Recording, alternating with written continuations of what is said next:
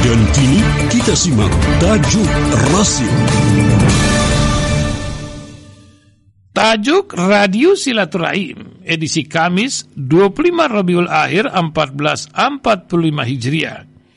Bertepatan dengan 9 November 2023 diberi judul Tekad Kuat Tenaga Media RSI maaf Tekad Kuat Tenaga Medis RSI. Seorang perawat warga negara Amerika Serikat yang baru-baru ini dievakuasi dari Gaza membagikan pengalamannya yang menyentuh dan mendalam dengan masyarakat di Gaza yang kini masih berada di bawah agresi Zionis Israel. Adalah Emily Callahan, manajer aktivitas perawat di Dr. Without Border yang bertugas di Palestina ini menggambarkan para dokter dan perawat Palestina yang tetap tinggal di jalur Gaza adalah pahlawan. Hati saya ada di Gaza. Hati saya akan tetap berada di Gaza. Demikian ujar Kalahan dalam sebuah wawancaranya orang-orang Palestina yang bekerja sama dengan saya, baik sebagai staf nasional di kantor maupun staf saya di Rumah Sakit Indonesia, adalah orang-orang yang paling luar biasa yang pernah saya temui di dalam hidup saya. Demikian dikatakan Emily Kalahan, juga yang mengakui para tenaga kesehatan yang bekerja di Rumah Sakit Indonesia di Gaza punya tekad dan hati yang teguh. Kalahan bekerja dengan Dokter Without Border dan tinggal di Gaza selama 26 hari setelah konflik antara Israel dan kelompok pejuang Palestina meletus pada awal Oktober lalu. Dia dievakuasi pekan lalu. Dia mengutip sebuah insiden di mana semuanya meledak dan para petugas kesehatan mendapat pemberitahuan untuk dievakuasi ke jalur Gaza Selatan ia mengatakan bahwa ia mengirim pesan singkat kepada para perawat di Rumah Sakit Indonesia. Kami kehilangan perawat di akhir pekan. Dia terbunuh ketika ambulans di luar rumah sakit diledakkan. Kalahan menceritakan bahwa dia menghubungi rekan-rekannya untuk menanyakan apakah ada orang yang bergerak ke arah selatan. Jawabannya adalah salah satu tekad yang teguh ini adalah komunitas kami.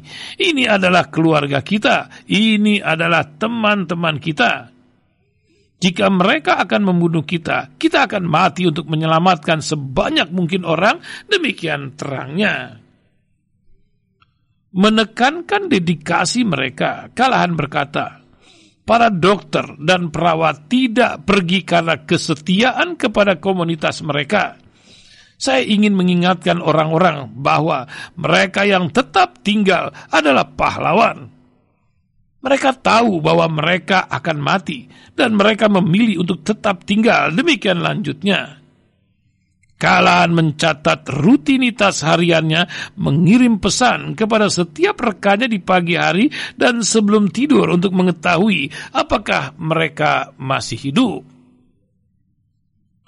Sudah lebih dari 10.350 orang lebih warga Gaza terbunuh karena bom Zionis Israel yang melancarkan serangan udara dan darat ke jalur Gaza. Di tengah melonjaknya jumlah korban jiwa, kebutuhan dasar semakin menipis di Gaza setelah Israel memperlakukan pengepungan penuh terhadap daerah kantong tersebut yang menyebabkan pengiriman bantuan kemanusiaan nyaris terhenti. Dalam sebulan sejak perang dimulai, tidak lebih dari 500 truk tiba di Gaza di Gaza Utara, tempat rumah sakit Indonesia berada, ada tiga relawan warga negara Indonesia, Fikri, Reza, dan Farid, yang memilih untuk tetap tinggal dan tidak dievakuasi demi membantu warga sipil di wilayah tersebut tentang Rumah Sakit Indonesia di Gaza yang mendapat tuduhan fitnah dari militer Zionis Israel sebagai tempat persembunyian militer Hamas adalah tidak benar. Rumah sakit Indonesia di Gaza adalah fasilitas kesehatan yang sepenuhnya untuk tujuan kemanusiaan. Rumah sakit itu dibangun dengan sumber pendanaan yang berasal dari masyarakat Indonesia yang cinta dan peduli kepada rakyat Palestina. Pada 27 Desember 2015, Rumah Sakit Indonesia di Gaza resmi dibuka dan beroperasi. Peresmiannya dilakukan secara simbolis di Jakarta pada 9 Januari 2016. Setelah peresmian, operasional rumah sakit itu diserahkan kepada otoritas Palestina. Dari waktu ke waktu, sejumlah relawan asal Indonesia turut membantu kinerja para petugas medis di rumah sakit tersebut. Rumah Sakit Indonesia di Gaza adalah salah, salah satu dari sedikit fasilitas kesehatan yang masih mampu melayani pasien saat jumlah korban serangan Zionis Israel terus bertambah setiap harinya. Apalagi kondisi terakhir ini, para pekerja medis melayani pasien dengan jumlah yang jauh di atas kapasitas rumah sakit. Mengapa dinamakan Rumah Sakit Indonesia? Seperti dilansir dari situs resmi Medical Emergency Rescue Committee, nama itu mengandung penegasan bahwa seluruh dana untuk mewujudkan rumah sakit tersebut berasal dari masyarakat Indonesia. Dengan nama itu pula tersirat pesan bahwa rumah sakit ini merupakan sebuah simbol silaturahmi jangka panjang antara rakyat Indonesia dan rakyat Palestina. Rumah sakit Indonesia tersebut berdiri di atas lahan seluas 16.261 meter persegi.